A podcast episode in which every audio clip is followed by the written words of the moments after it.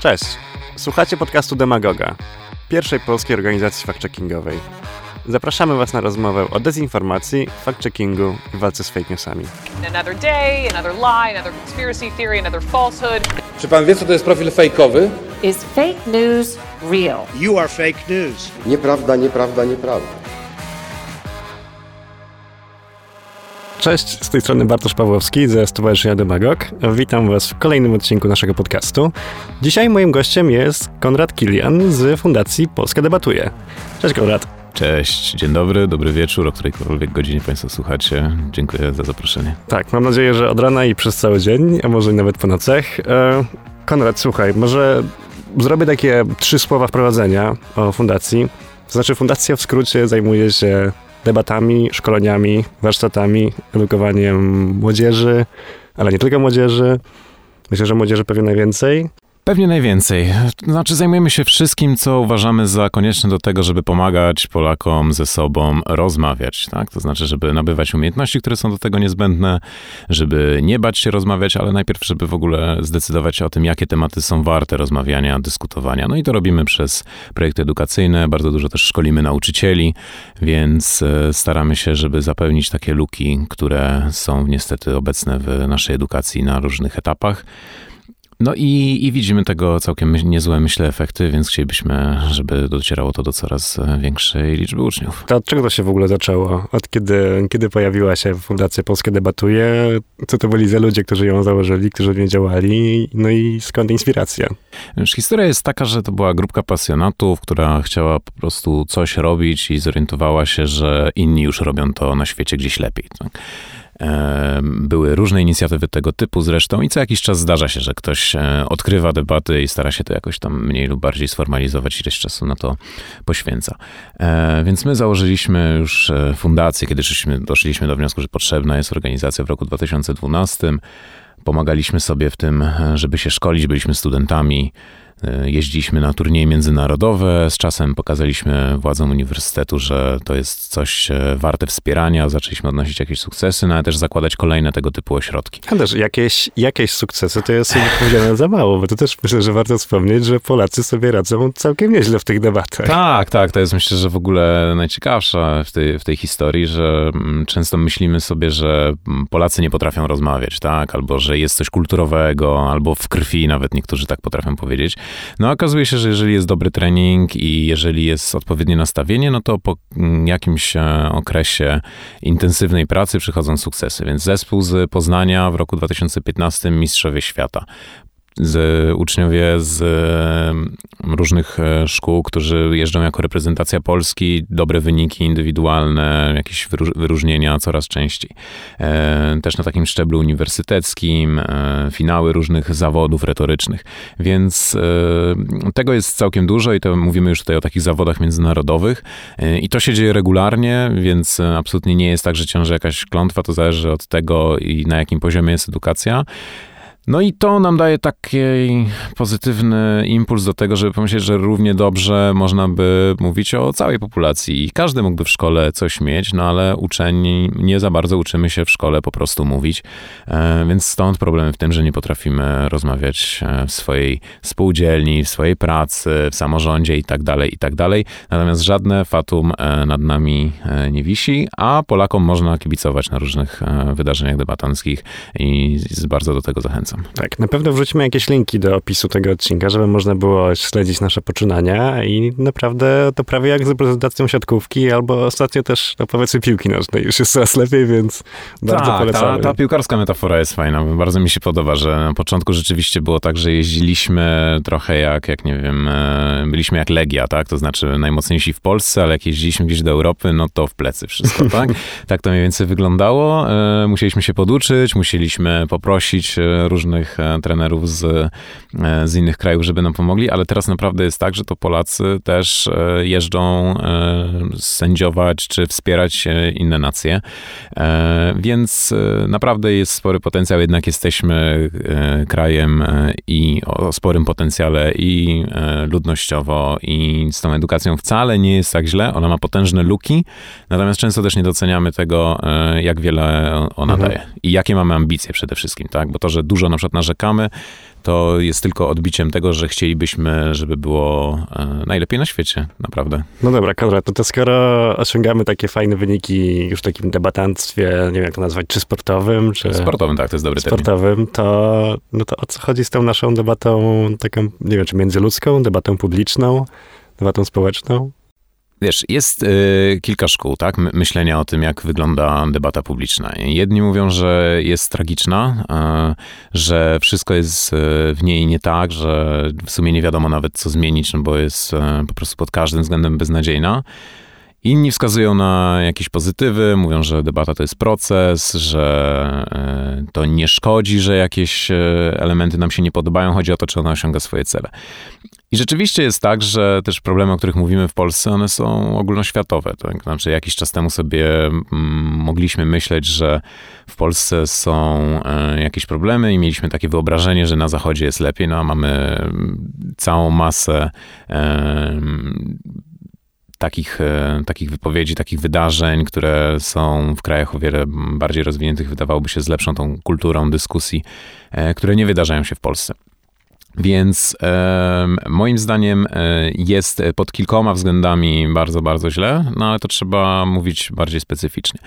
Więc na pewno jest tak, że jest wielki problem z odpowiedzialnością taką za słowa, z, e, z tym, jakie są w ogóle kryteria tego, kto jest dopuszczany do głosu. Mamy ma, taki przerost ekspertów od wszystkiego, którzy są zapraszani, żeby mówić o czymkolwiek, albo wyznaczani przez swoją partię na przykład, tak, żeby mówić e, na każdy temat. To jest e, coś, co jest To jest to debata taka najbardziej publiczna, najbardziej nagłośniona. tak, tak, tak. No, no generalnie jest tak, że na przykład w Sejmie jest 20 osób, które mniej więcej chodzi po mediach, tak? I oni muszą, muszą mówić o wszystkim. No i to nie, to nie jest oczywiście e, dobre, ale oni są najbardziej medialni.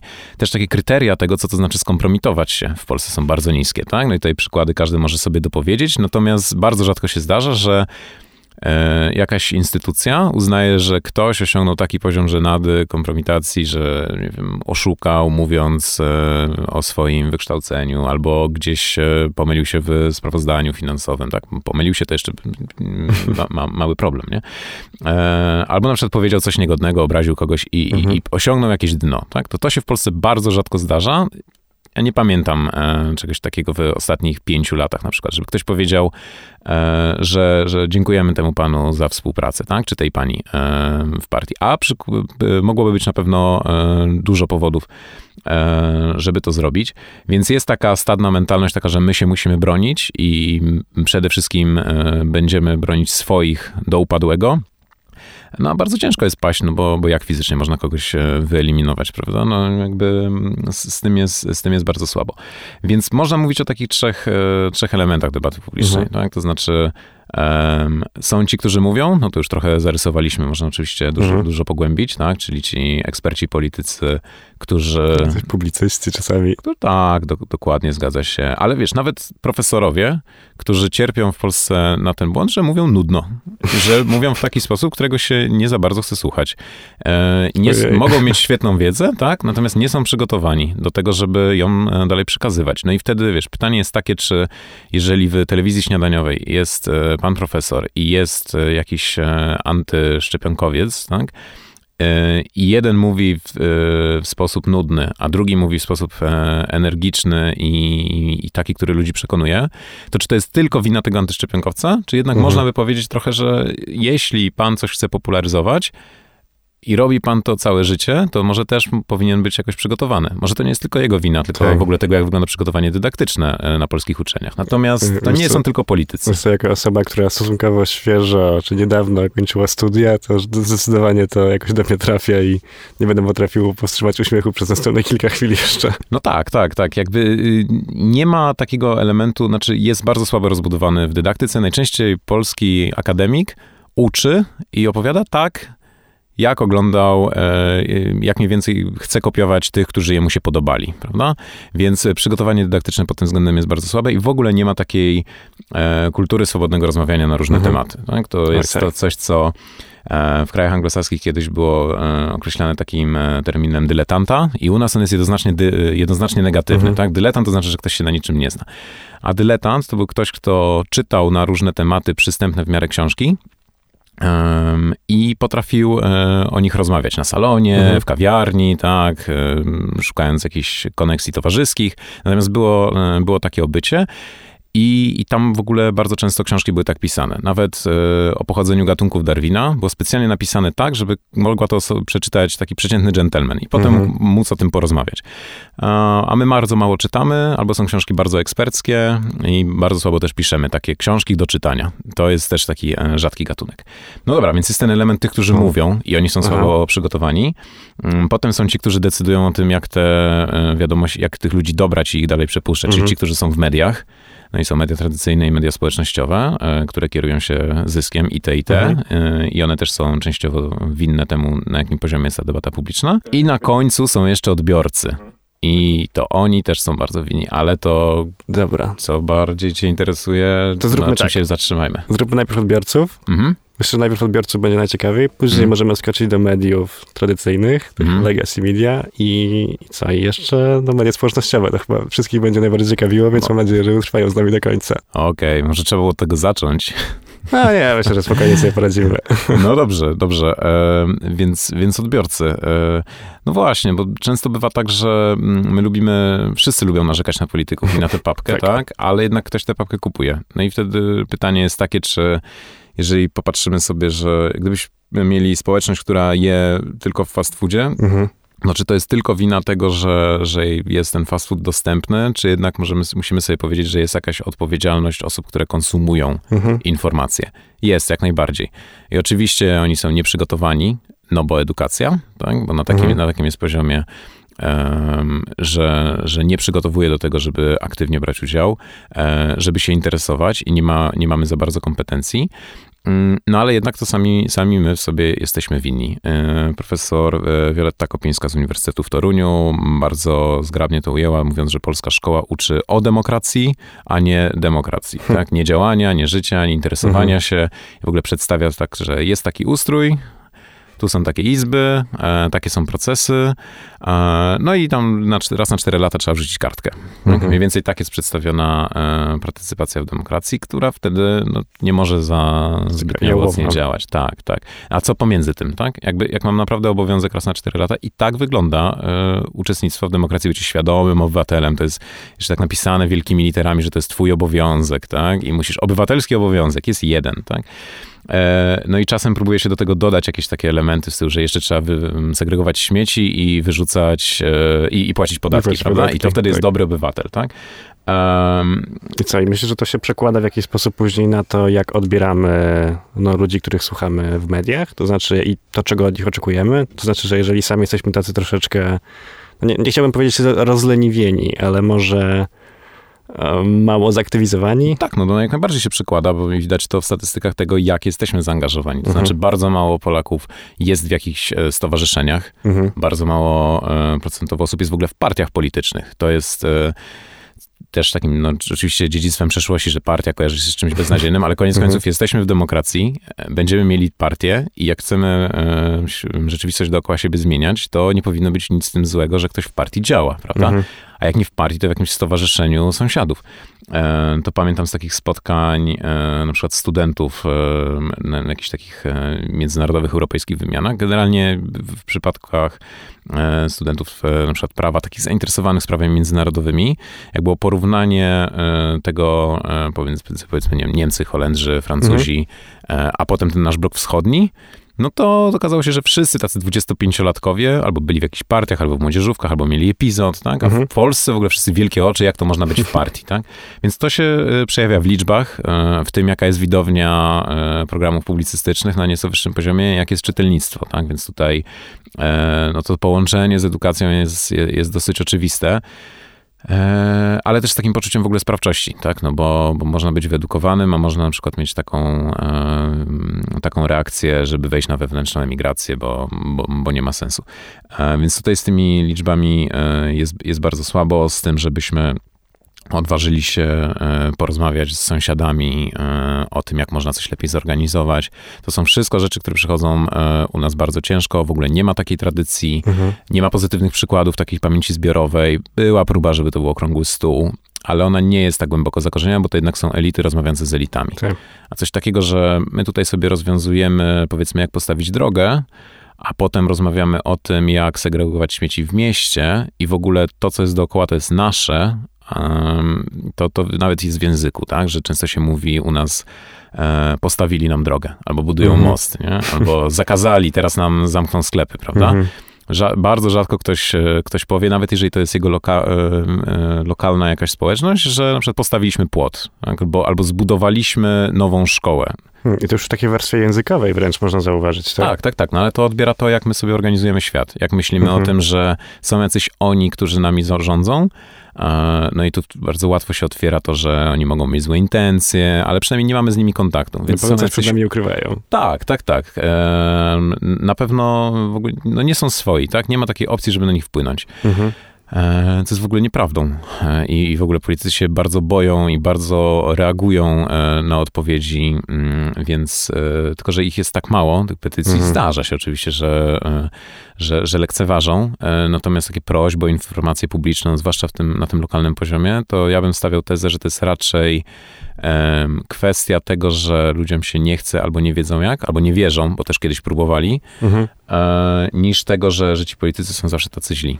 Tak mi się wydaje. Hmm, bardzo ciekawe. Zaczęło mi trochę za- zastanawiać, nie wiem skąd mi przyszła ta myśl, to znaczy na pewno z naszej rozmowy, ale trochę o tym też, jak się politycy sami wypowiadają w mediach. Znaczy, czy politycy, czy osoby publiczne, czy jakoś tam zaangażowane, które po prostu bardzo często o czymś mówią. Zresztą to też czasami zauważamy w stowarzyszeniu, kiedy czy prowadzimy jakiś fact-checking, no i powiedzmy jest wywiad z jakimś politykiem w radio, no i przesłuchujemy 20 minut tego wywiadu Mhm. i szukamy jakiejś konkretnej informacji, które moglibyśmy sprawdzić.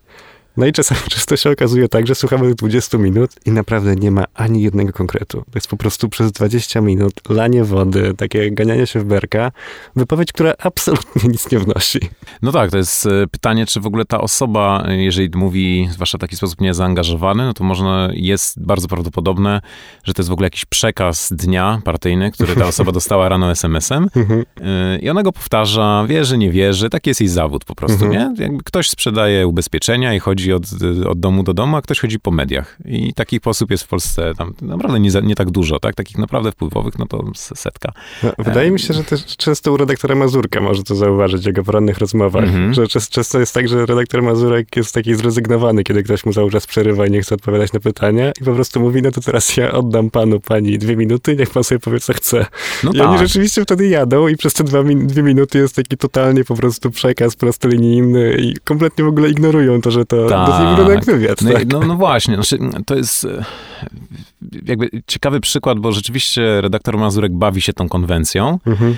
ale jednak, kurczę, on zaprasza tych beznadziejnych polityków, a oni nie, od, nie odmawiają, chociaż wiedzą, że się Mhm. skompromitują, to jednak e, ten prime time w RMF-ie to jest tam 3 miliony widzów, więc tak czy Mhm. siak warto tam być i tak czy siak trzeba odmówić. Więc to też jest jego decyzja, że nie zaprasza kogoś, kto się zna na temacie, znaczy woli wziąć kogoś, kogoś sobie e, takiego, z, co, co nie odmówi, Mhm. zadać mu jakieś pytania, wiedząc, że tamten źle odpowie, potem mu powiedzieć, a pan mówił inaczej dwa tygodnie temu i, i, Mhm. i tak dalej, i tak dalej. No i ta umowa jest, to jest taki performance, prawda? Tak. Jakby wiadomo, jak to wyglądał Mazurka, więc to jest śmieszne, tak? To, to czemuś, no i jakby najczęściej e, konkluzja jest taka, że Mazurek śmieszny, fajny, swój, Mhm. Politycy e, mamlają i, i nie mówią niczego ciekawego. Są zadowoleni sami z siebie. Tak, i, i tyle, nie? Jakby to też jest decyzja redaktora, że, że, że woli e, zrobi, zrobić coś takiego. No, jakby e, na pewno atrakcyjne, można co jakieś posłuchać, ale wiesz, jak już posłuchasz 10 takich rozmów Mazurka, to one są trochę wszystkie tym samym. Mhm. Więc, więc tak to myślę e, jest e, z tym, że my w ogóle nie za bardzo potrafimy myśl- myśleć przez cele, e, raczej w takiej kategorii zbiorowości, mamy jakieś wartości, to jesteśmy my, to są Mhm. oni, a nie na przykład, że chcielibyśmy coś zrobić, tak? I, i, i, przez to jest e, bardzo ciężko budować jakiś konsensus, bo właściwie nie wiadomo dookoła czego. No dobra, to jak, jeżeli nam brakuje już takich elementów, znaczy brakuje, no powiedzmy, że mamy nie, niedoroz, nie, może nierozwinięte, to może byłoby odpowiednie słowo, Mhm.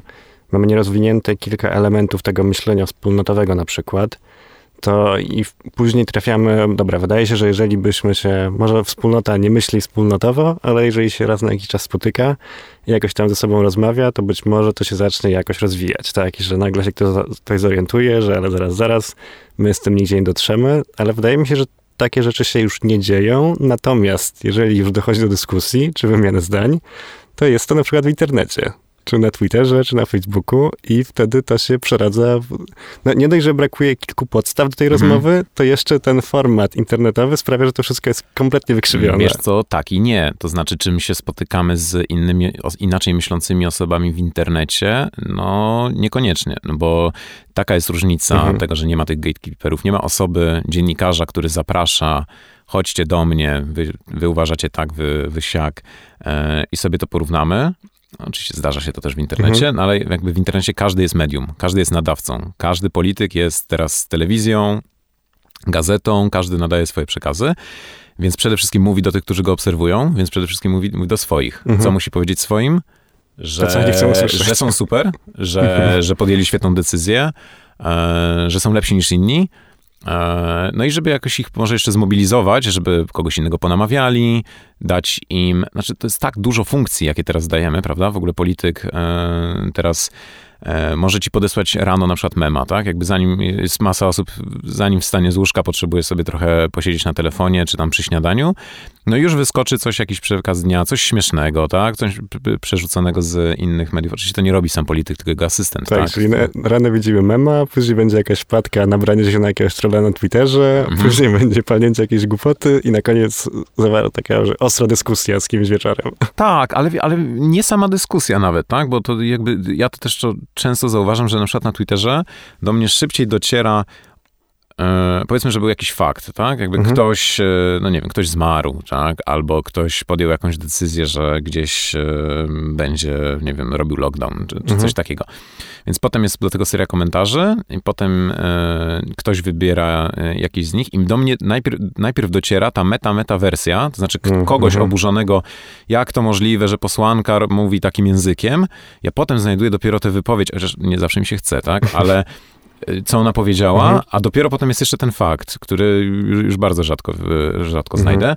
Więc tak naprawdę y, to, jak media też internetowe są skupione same na sobie, jak jest rozmowa o tym, że to nie dziennikarz, to nie polityk, e, co to ma być, w ogóle mm, myślę, że, że jest też bardzo specyficzny dla internetu, że e, on się potrafi bardzo, bardzo zapętlić, A to, żeby była jakaś taka wymiana, co my uważamy, no to, to, to mm, jest e, no, też bardzo specyficzne, jeżeli chodzi o różne platformy.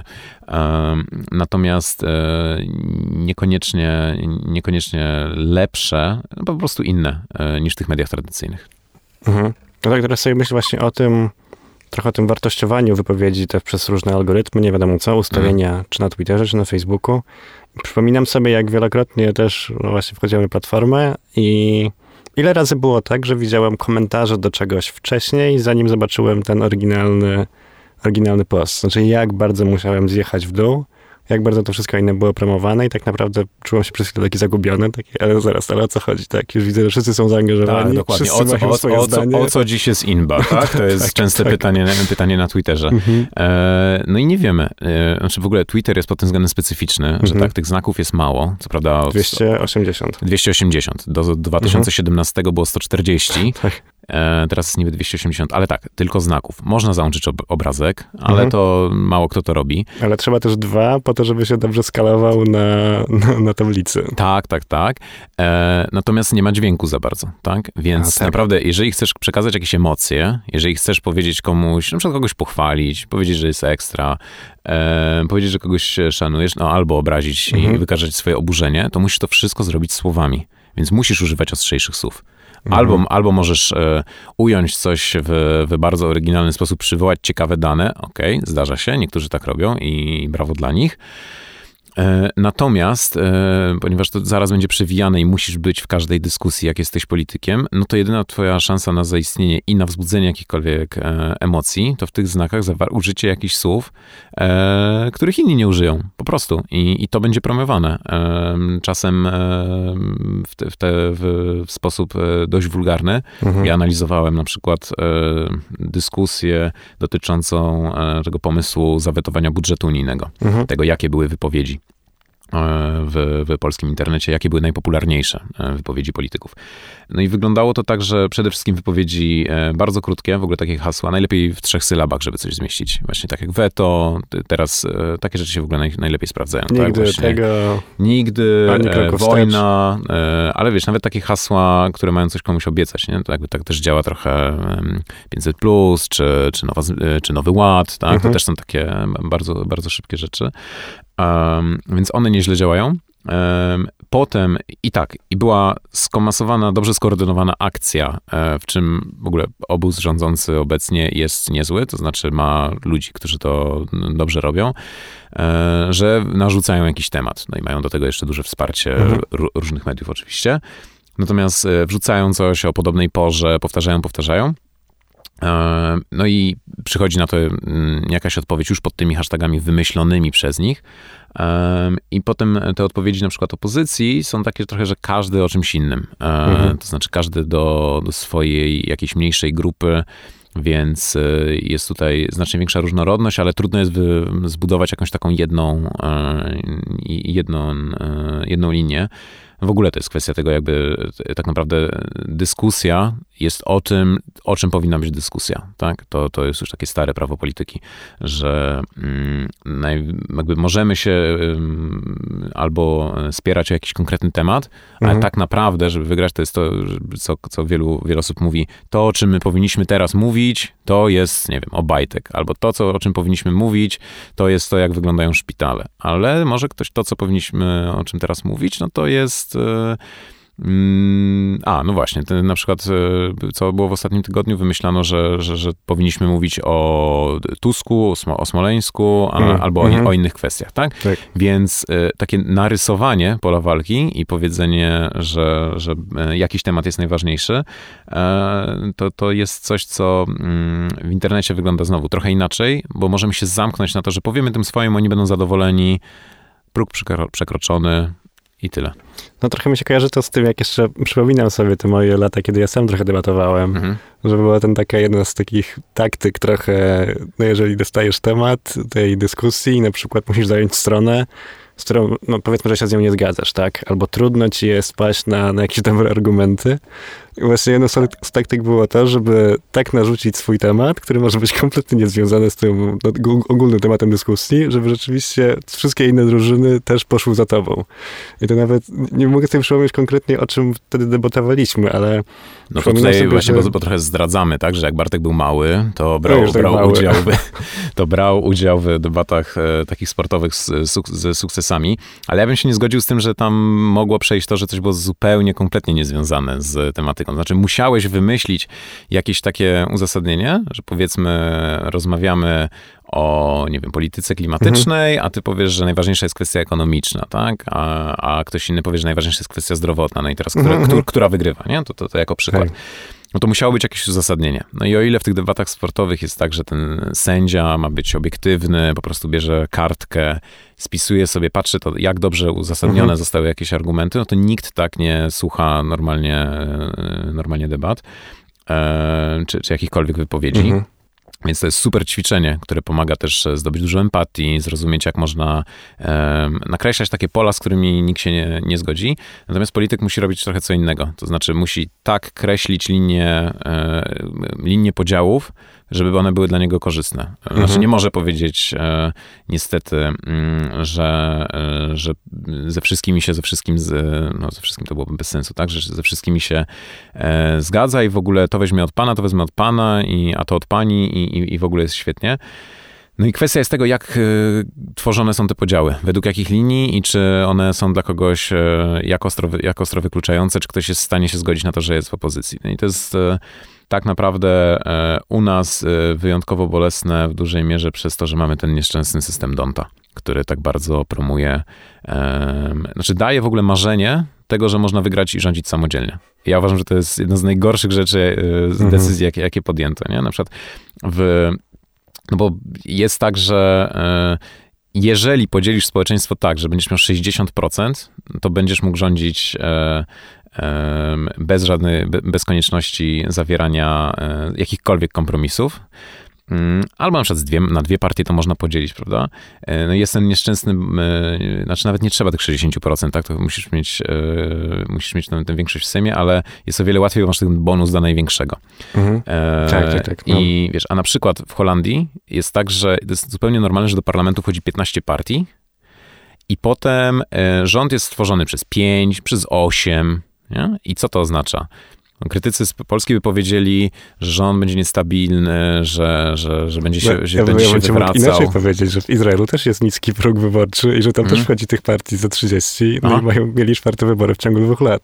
Okej, ale to nie chodzi o to. Jakby y, ja nie mam z tym problemu. Chodzi o to, że Mhm. nikt nie marzy o tym, że będzie rządził sam, Mm, I że mhm. musi się zgodzić z innymi, że w ogóle i musi uczyć się budować konsensus, musi na co dzień e, to robić. Nawet jeżeli te partie są bardzo podobne, no to Mhm. jednak nawet na przykład patrzą sobie na ręce. Na przykład... No, przynajmniej kwestie personalne zawsze są. Jest Mhm. tak, że jednak ktoś tam wejdzie, kto nie jest kompletnie z twojego obozu. Tak? Dokładnie, dokładnie. Więc jakby skala świństw, które jesteś w stanie zrobić, tak żeby ktoś powiedział, nie no, ja się na to nie zgadzam, nie na to się umawialiśmy, Mhm. e, jest zupełnie inna.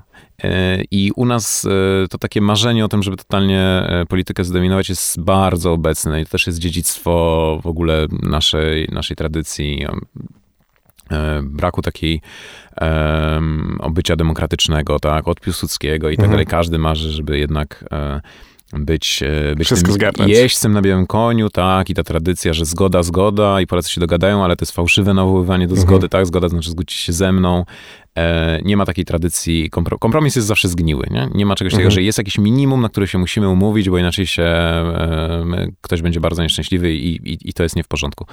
Mm, No i, i chyba, chyba internet to zaostrza, tak, tak mi się wydaje. E, przynosi też masę dobrych rzeczy, ale e, tutaj jest łatwiej się okopać w swojej grupie. A co jeszcze ten, tak, okej, okupujemy się w tej własnej grupie, jesteśmy ograniczeni do tego prostego przekazu, tego, który też no, łatwiej trafia do ludzi. Czy jest jeszcze coś takiego w tym internecie? Nie wiem, na przykład to, że ta informacja tak szybko idzie, to, że, no tak już mówiłeś o tym, że każdy może być tym medium, tak? Każdy może coś nadawać. Tak naprawdę kanałami, które są popularne, często stają się konta anonimowe, tak? Mhm. Znaczy mamy też na przykład całą, całą gamę takich polskich troli, tak, który no, ostatnio został jeden z nich zidentyfikowany, no ale i tak zostaje kilku z nich i oni powiedzmy mają naprawdę mnóstwo ludzi, którzy je obserwują.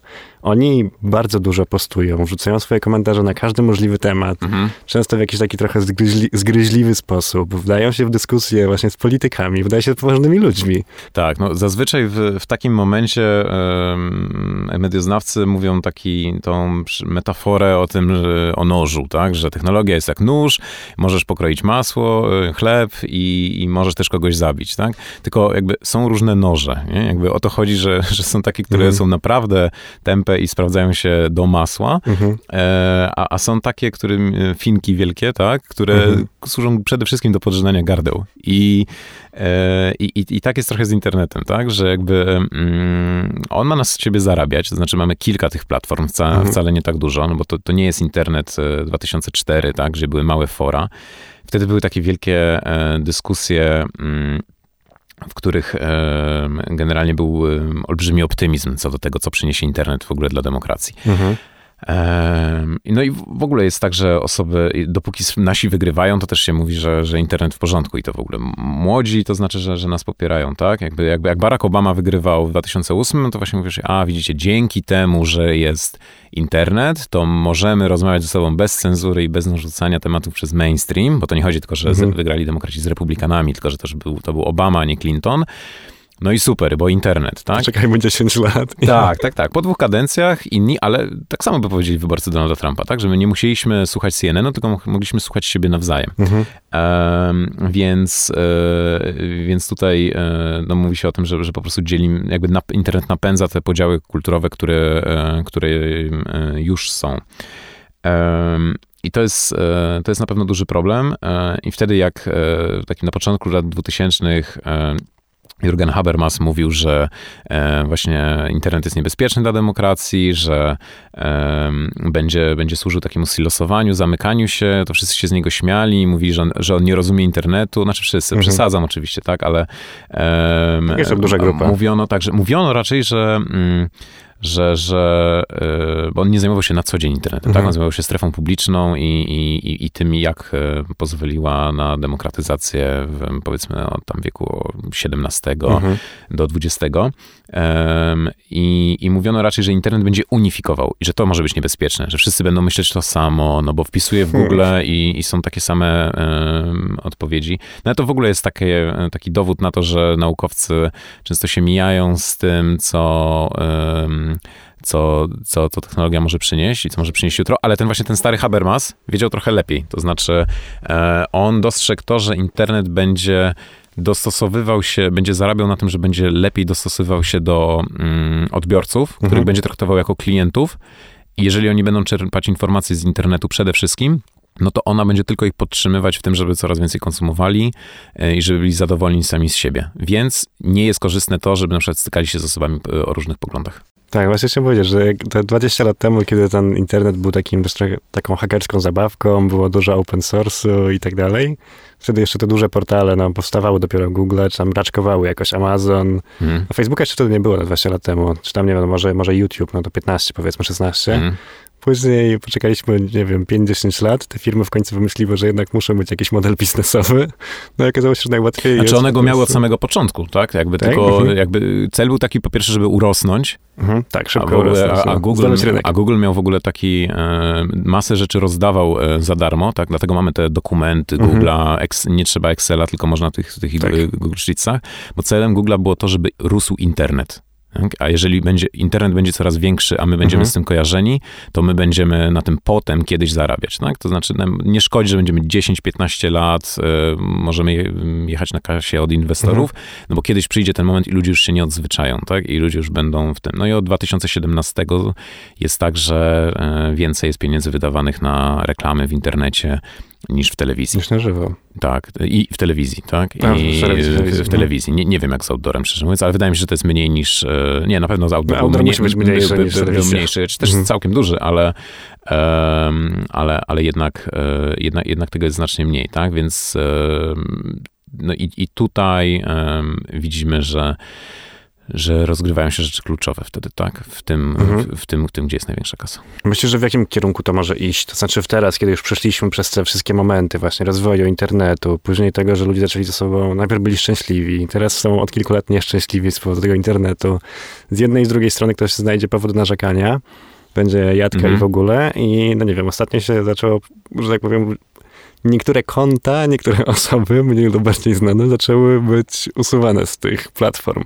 No i okazuje się, że taka właśnie osoba jedna bardzo znana zapowiedziała, że stworzy swój własny portal i że tam za dwa miesiące czy trzy miesiące chyba coś ma więcej powiedzieć. Zresztą w Polsce też mamy... W Polsce jest Nowe e, portale. jest Alwikla, a w, w Indiach jest e, Kuku, chyba tak to się nazywa, to Mhm. jest taki ich Twitter, tak, który Mhm. założył, w ogóle wspiera, e, no tak podobna historia jak u nas, tak, że wspiera, Mhm. wspiera ich rząd. I wiesz, jakby nie no, cokolwiek powiem, to, to, to będzie można puścić za kilka lat i się ze mnie śmiać, tak, no bo, bo to trzeba To być... warto eksperymentować. Trzeba, trzeba być Habermasem, żeby coś e, Mhm. zrozumieć. E, Trzymamy kciuki. Natomiast, natomiast em, wydaje mi się, że e, raczej jest jakiś taki z jednej strony wielki głód na to, żeby em, aktywniejsze było państwo. Mhm. To znaczy, em, zresztą tak samo było z mediami tradycyjnymi, tak, Taki że nacisk na regulację. na regulacje, na to, żeby coś było publiczne, e, kto ma decydować o tym, gdzie są te fejki, tak, żeby były jakieś agencje, które jednak nakładają kary, Mhm. e, nakładają podatki na, na tych, którzy działają międzynarodowo i, i ich nie płacą. Em, ale też takie rzeczy, wiesz, jak weryfikacja danych, tak, i pilnowanie Mhm. ich, czy, czy, czy ja naprawdę muszę dawać swoje dane Facebookowi za każdym razem, żeby sobie kupić buty. Czy nie mógłbym tego, tego dać jakiemuś, Mhm. e, robić to swoim profilem zaufanym? Nie wiem, tak? Jakby, Mhm. Więc jest na pewno nacisk w tym kierunku i, i, i wiesz, wydaje mi się, że to, to będzie musiało przejść w jakiejś takiej formie, która jednocześnie będzie w jakimś stopniu pod kontrolą, tak? E, Jednak nie naruszy takich naj, najgorszych interesów, ale może, może, teraz tak myślę, e, że, że wiesz, że to byłoby do pogodzenia w tym, pod tym względem, że e, jakby o ile wierzę, że model, że, że wielkim firmom nie zależy na tym, jaki jest model, jaki jest poziom debaty publicznej, to wydaje mi się, że to nie jest jakby główne źródło ich zysku. Znaczy, najważniejsze koniec końców nie jest to, czy tam będziesz się kłócił ze swoją ciocią, której nie widziałeś od 15 lat w internecie i będziesz się nienawidził ze swoim kolegą z podstawówki, będziesz sobie pisać okropne rzeczy.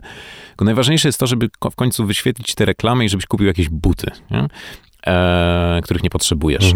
I wydaje mi się, że to można osiągnąć, nie naruszając tego, żeby rozmowa była, była trochę bardziej cywilizowana.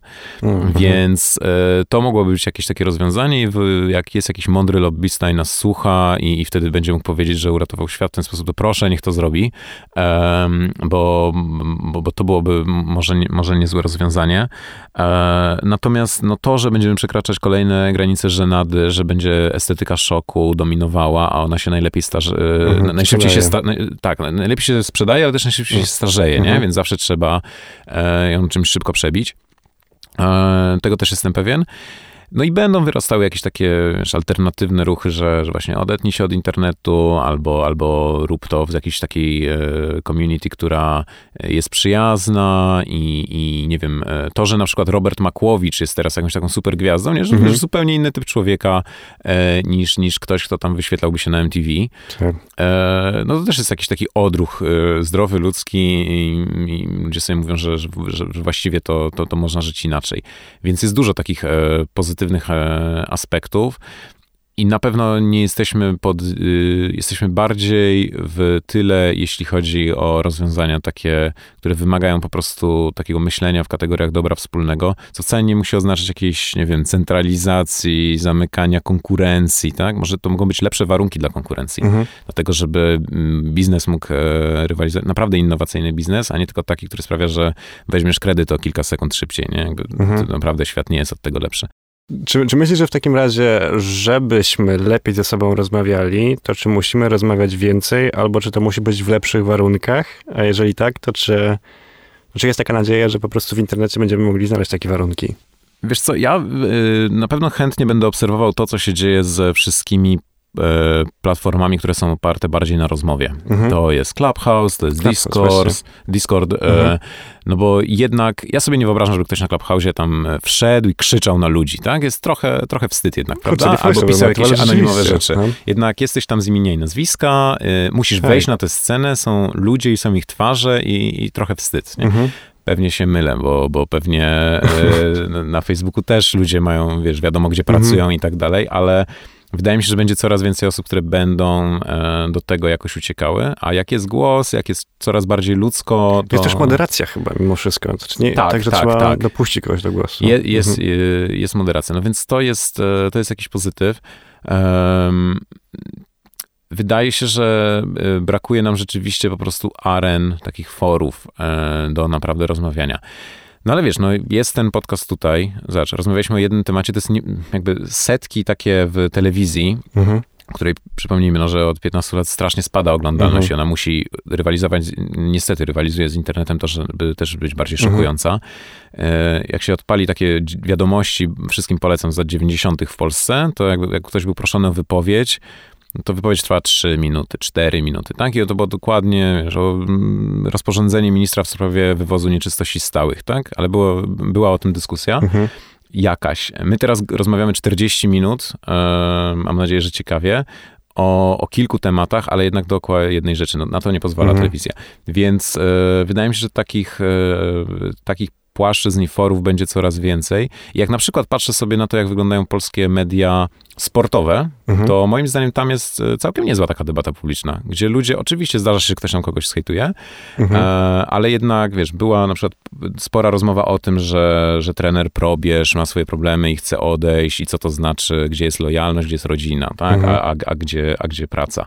E, Kto powinien być powołany i tak dalej, i tak dalej. Są takie areny, gdzie ludzie ze sobą całkiem rozmawiają, tylko musi być ktoś odpowiedzialny za to, żeby szukać e, w trochę inny sposób oglądalności, zawężać temat, Mhm. e, zapraszać e, trochę innych gości i dawać ludziom e, rozmowy dobrej jakości. No i mam nadzieję, że coraz więcej osób będzie w ten sposób starało się tych e, odbiorców złapać. I pomyśleć trochę bardziej wspólnotowo.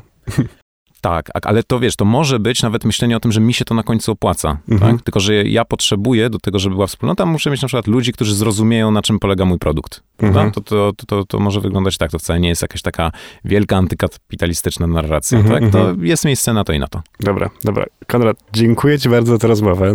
Mi się rozmawiało bardzo przyjemnie, mam nadzieję, że tobie też. Tak, mi szybko zleciało w ogóle. Tak, ja też, ja mam prawie, prawie za każdym razem mam takie wrażenie, ale tym razem to w ogóle było super, po prostu prędkość światła, także myślę, że mogę obiecać nawet na wyrost to, że na pewno jeszcze kogoś poproszę, albo, albo ciebie, albo kogoś jeszcze z Fundacji Polska Debatuje o to, żeby wejść w następne tematy, bo też po prostu to jest sfera po prostu aktywności jest bardzo szeroka. To ja czekam na komentarze i, i na to, co było sensowne, a o czym warto byłoby porozmawiać więcej. A jeśli ktoś z czymś się nie zgadza, to w ogóle wtedy najchętniej. Dajcie znać. Tak, bardzo chętnie usłyszymy. E, Ja wam jeszcze dopowiem, że przed chwilą Konrad wspomniał o Clubhouse'ie, więc jeżeli chcecie coś tam o nim poczytać, to zapraszam do naszego marcowej, do naszej marcowej edycji naszego newslettera Infoskanu. E, Zapraszamy was też na kanały na mediach społecznościowych Fundacji Polska Debatuje, na której można na przykład kibicować naszym zawodnikom. No i tak można sportowcom. znaleźć klub Mhm. debat w swoim mieście, Tak. albo można go założyć. W tym też możemy pomóc, bo y, zwłaszcza zapraszamy do tego i nauczycieli, i uczniów, i studentów. E, to wtedy podeślemy materiały i będziecie się uczyć sami ze sobą nawzajem i z rówieśnikami. Jak najbardziej. Jest duże grono super zaangażowanych ludzi, bardzo polecamy, są świetni, mogę za to ręczyć. E, I dziękuję wam bardzo. Moim gościem był Konrad Kilian. Jeszcze raz Fundacja Polska debatuje. Dziękuję bardzo i do usłyszenia następnym razem. Bardzo dziękuję.